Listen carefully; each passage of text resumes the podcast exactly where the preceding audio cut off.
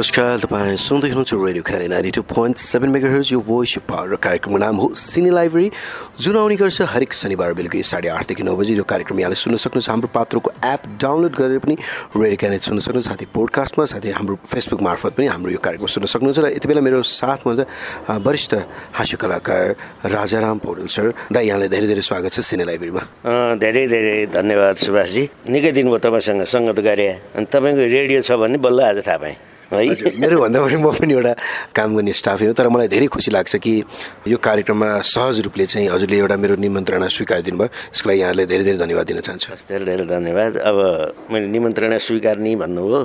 मेरो काम कस्तो भने जहाँ गए पनि मान्छेहरू आउँछन् दाइ एउटा सेल्फी है एउटा फोटो खिच्नु है।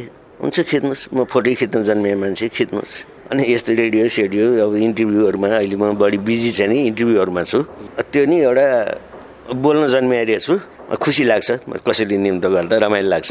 इन्टरभ्यूहरू दिँदा नि। जस्तो दाइ अब अब कति दशकको कुरा गरौँ होइन यत्रो लामो समयदेखि भनौँ न आबद्ध भएर कलाकारितालाई एउटा पेसाको रूपमा पनि लागेर लिएर जानुभयो तपाईँले होइन?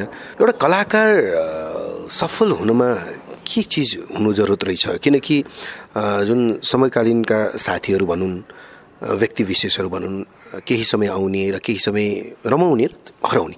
तर आज राजाराम पौडेल सरले जुन हिसाबले आज कला क्षेत्रमा एउटा स्तम्भको रूप भूमिका खेलिरहेको छ एउटा पिलरको रूपमा अहिलेको जेनेरेसन्सलाई होइन भनिराख्दाखेरि एउटा कलाकार सफल हुनुमा के हुनु जरुरत छ जस्तो लाग्यो हजुरलाई?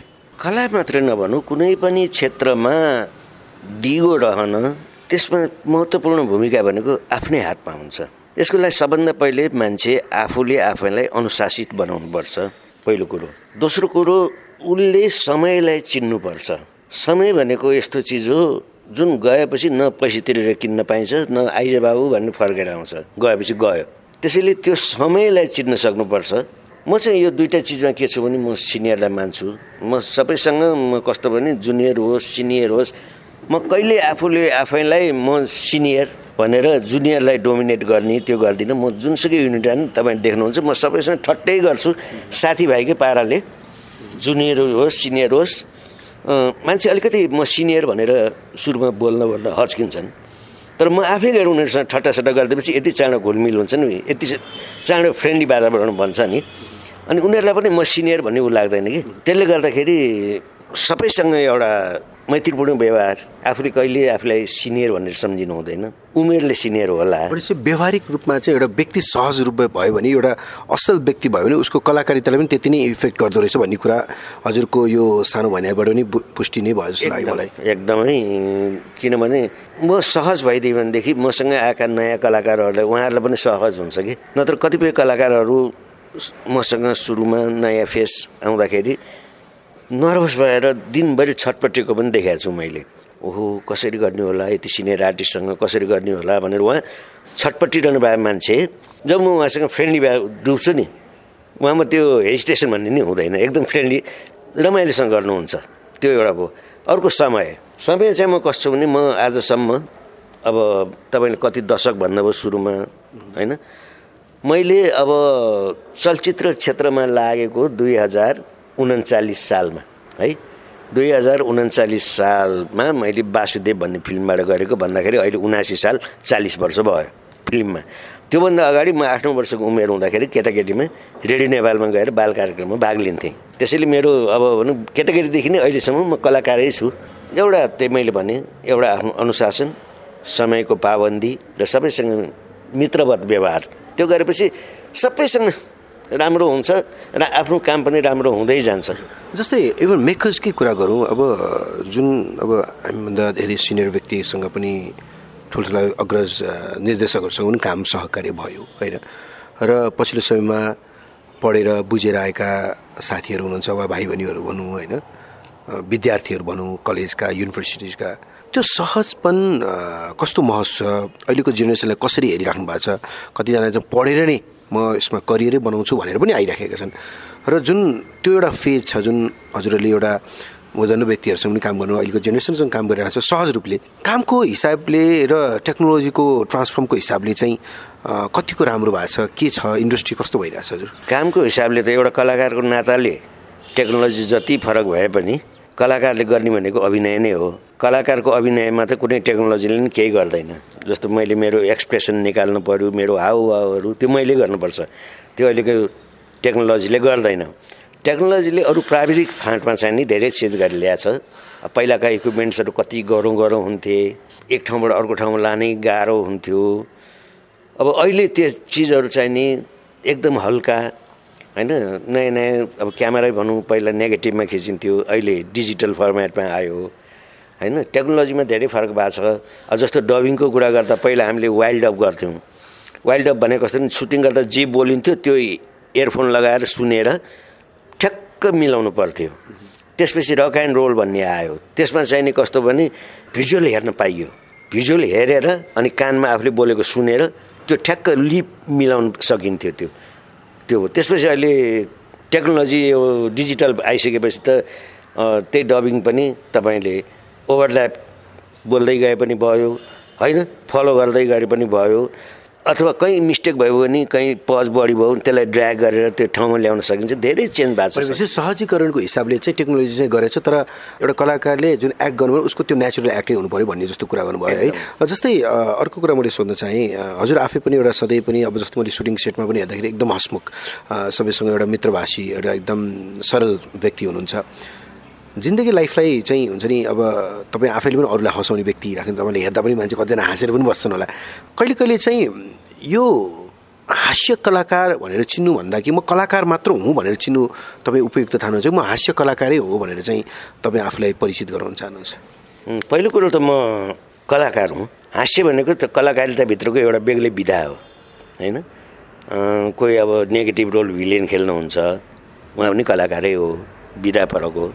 त्यो त्योभित्रकै हाँगा फरक हो र त्यसले गर्दा म पहिलो कुरो चाहिँ कलाकारै हुँ र म जस्तो मैले धेरै अन्तर्वार्ता पनि मैले भनेको छु नयाँ नयाँ कलाकारहरू आउनु रहर गर्नुभएको छ।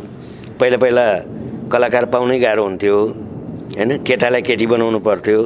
अब यो फिल्ममा भने केटीहरूलाई पठाउनु हुँदैन बिग्रिने ठाउँ यो भनेर पठाउँदैन थिए। अब अहिले तिनै बाबुआमाहरूले आफ्नो छोराले ल न मेरो छोराछोरीले छोरीलाई खेलाइदिनु पऱ्यो छोरालाई खेलाइदिनु पऱ्यो यो चेन्ज भयो।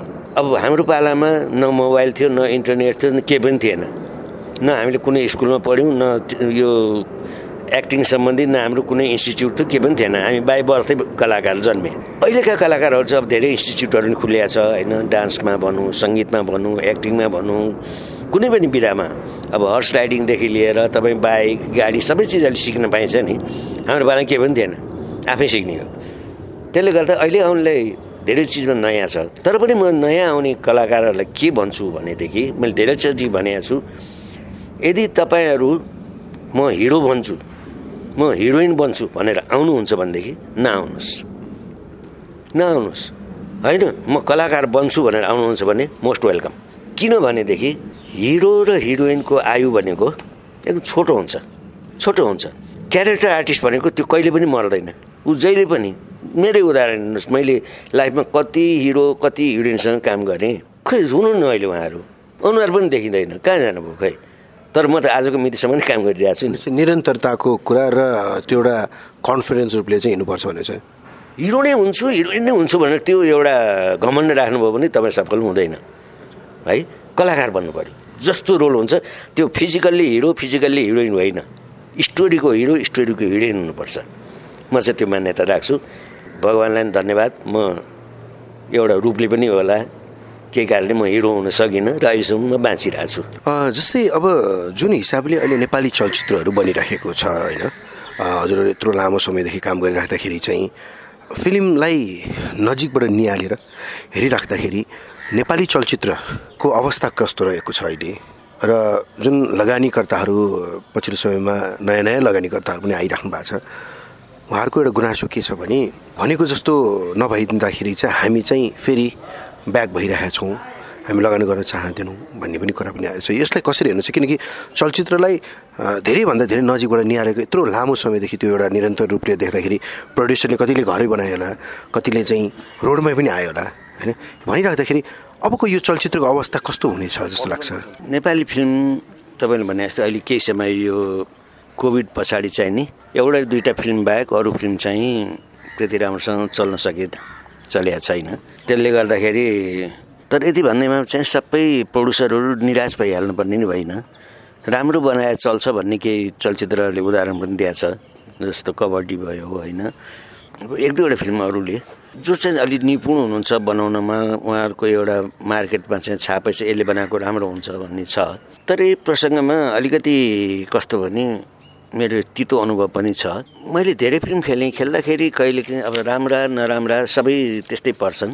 कहिलेकाहीँ त कस्तो फिल्ममा शुद्ध परेको छु भनेदेखि नयाँ नयाँ कलाकारहरू जो चाहिँ एकदम फिल्ममा आउनु खोज्छन् होइन कलाकार बन्न चाहन्छन् त्यस्ता त्यस्ता व्यक्ति खोजेर र तिनीहरूसँग पैसा लिएर है कलाकार बनाएका छन्। त्यस्ता त्यस्ता व्यक्तिहरूले चाहिँ यसरी फिल्म नबनाइदिनुहोस्। कसैलाई ठगेर नयाँ कलाकार एउटा सपना बोकेका हुन्छन् होइन? मैले त एकजना यस्तो कलाकार शुद्ध भेटेँ मैले त्यो भाइको नाम बिर्सेँ। जहाँसम्म लाग्छ थारो हुनुहुन्छ उहाँ चौधरी समथिङ नै जस्तो लाग्छ। उहाँले मलाई दुखेसो पोख्नुभयो दाई म नि एउटा कलाकार भन्छु भन्ने मेरो बच्चैदेखिको रहर। अनि यो कुरा आयो। यसमा मैले आठ लाख रुपियाँ मैले लगानी गरेँ।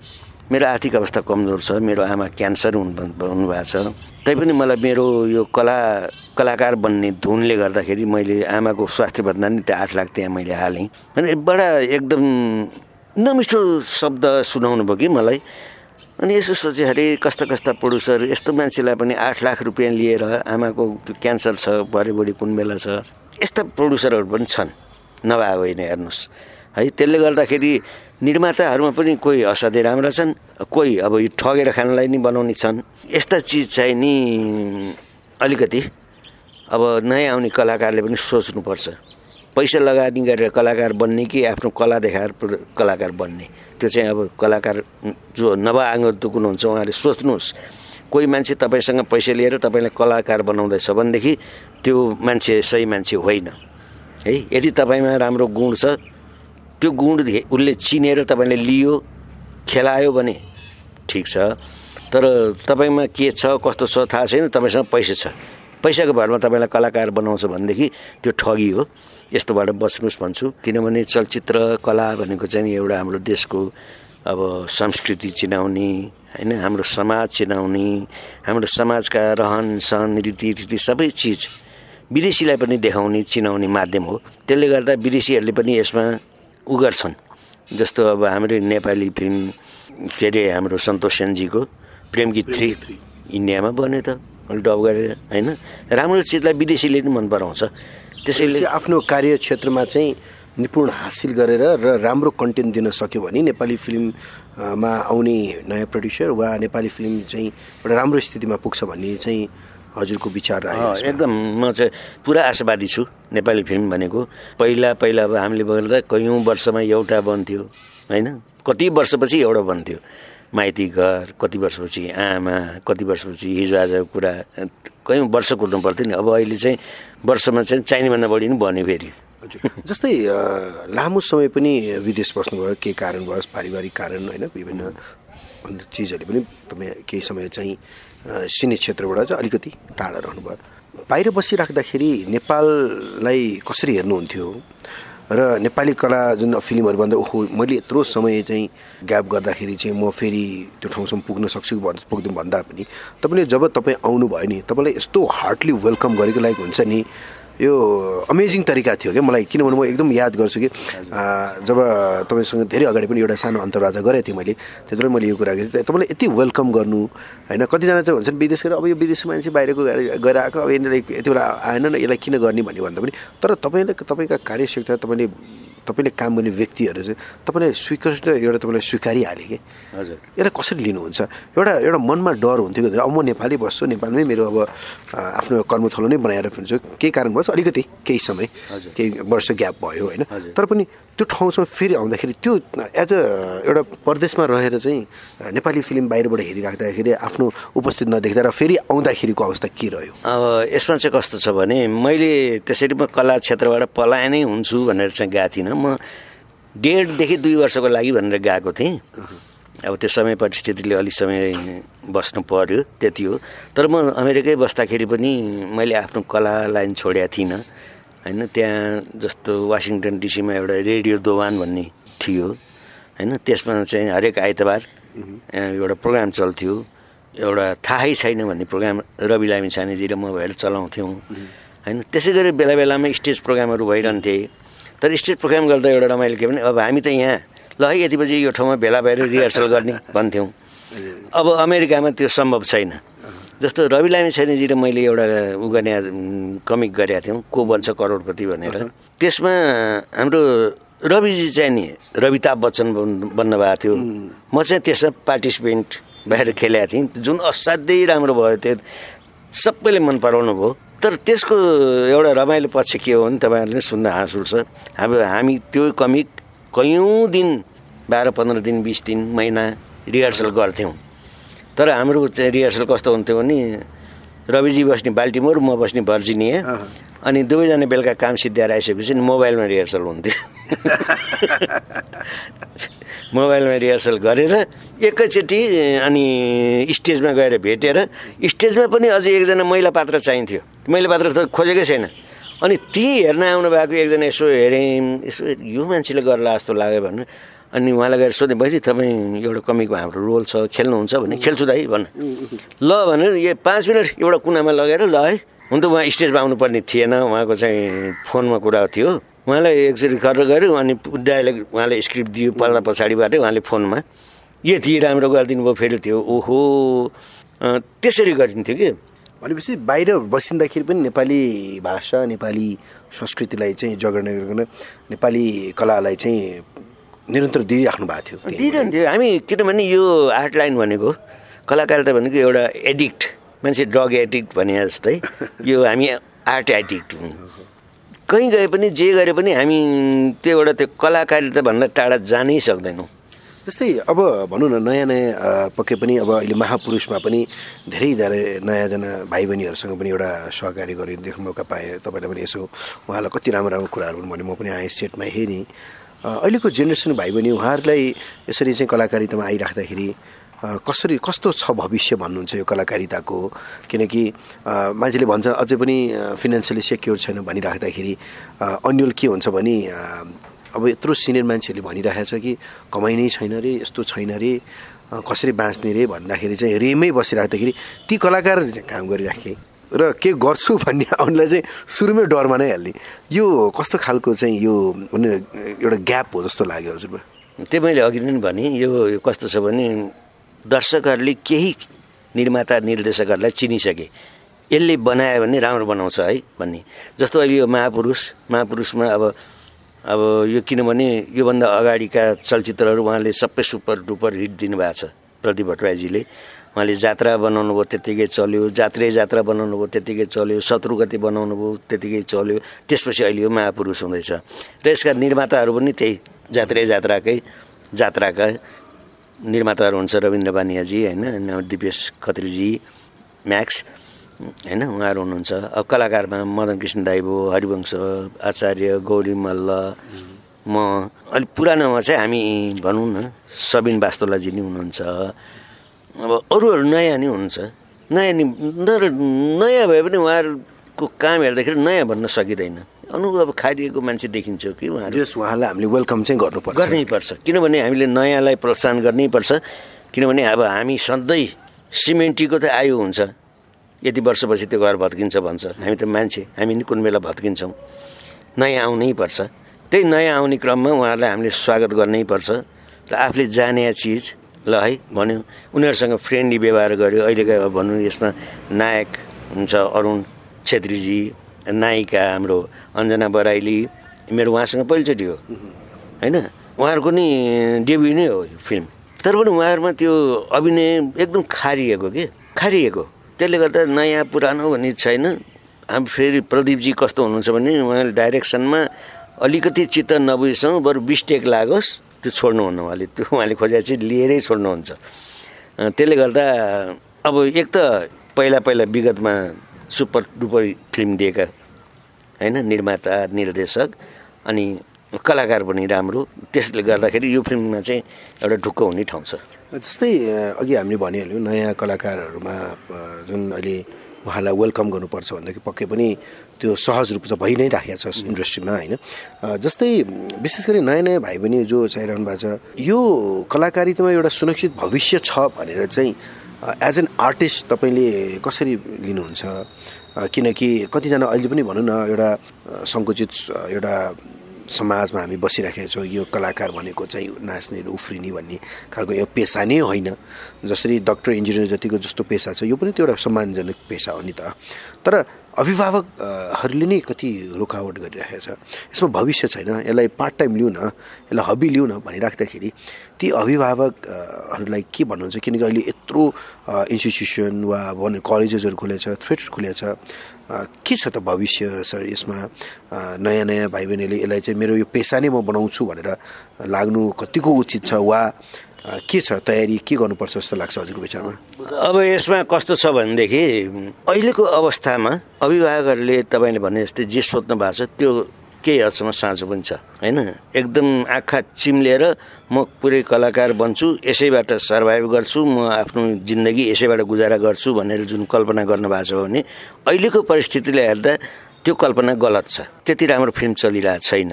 अनि नचलेपछि निर्माताहरूले पनि तपाईँले त्यति राम्रो पेमेन्ट गर्न सक्दैन।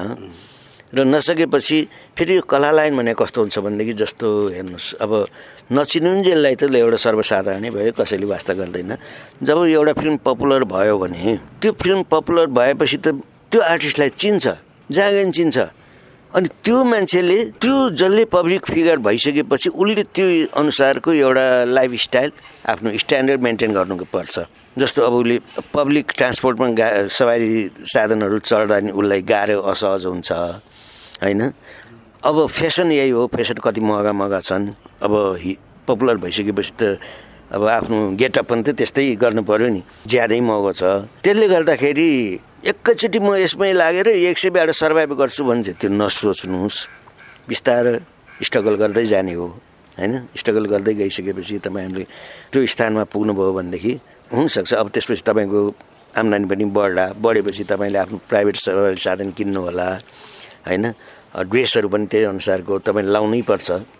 पपुलर भइसकेपछि र अनपपुलर हुँदाखेरि फरक पर्छ। त्यसले गर्दा त्यो अभिभावकहरूले सोच्नुपर्छ तर कस्तो त्यो सोचायो भने लाग्दै नलाग यो क्षेत्रै राम्रो होइन यो त्यो चाहिँ होइन हो आम्दानी कम छ है। सर्भाइभ गर्ने एउटा स्थायी आम्दानीको बाटो केही छ भने त्यो सुनमा सुगन्ध भयो त्यो नछोड्नुहोस् होइन। तर यसैमा जीविका गर्छु भनेर पाएको काम पनि छोडेर पनि नआउनुहोस्।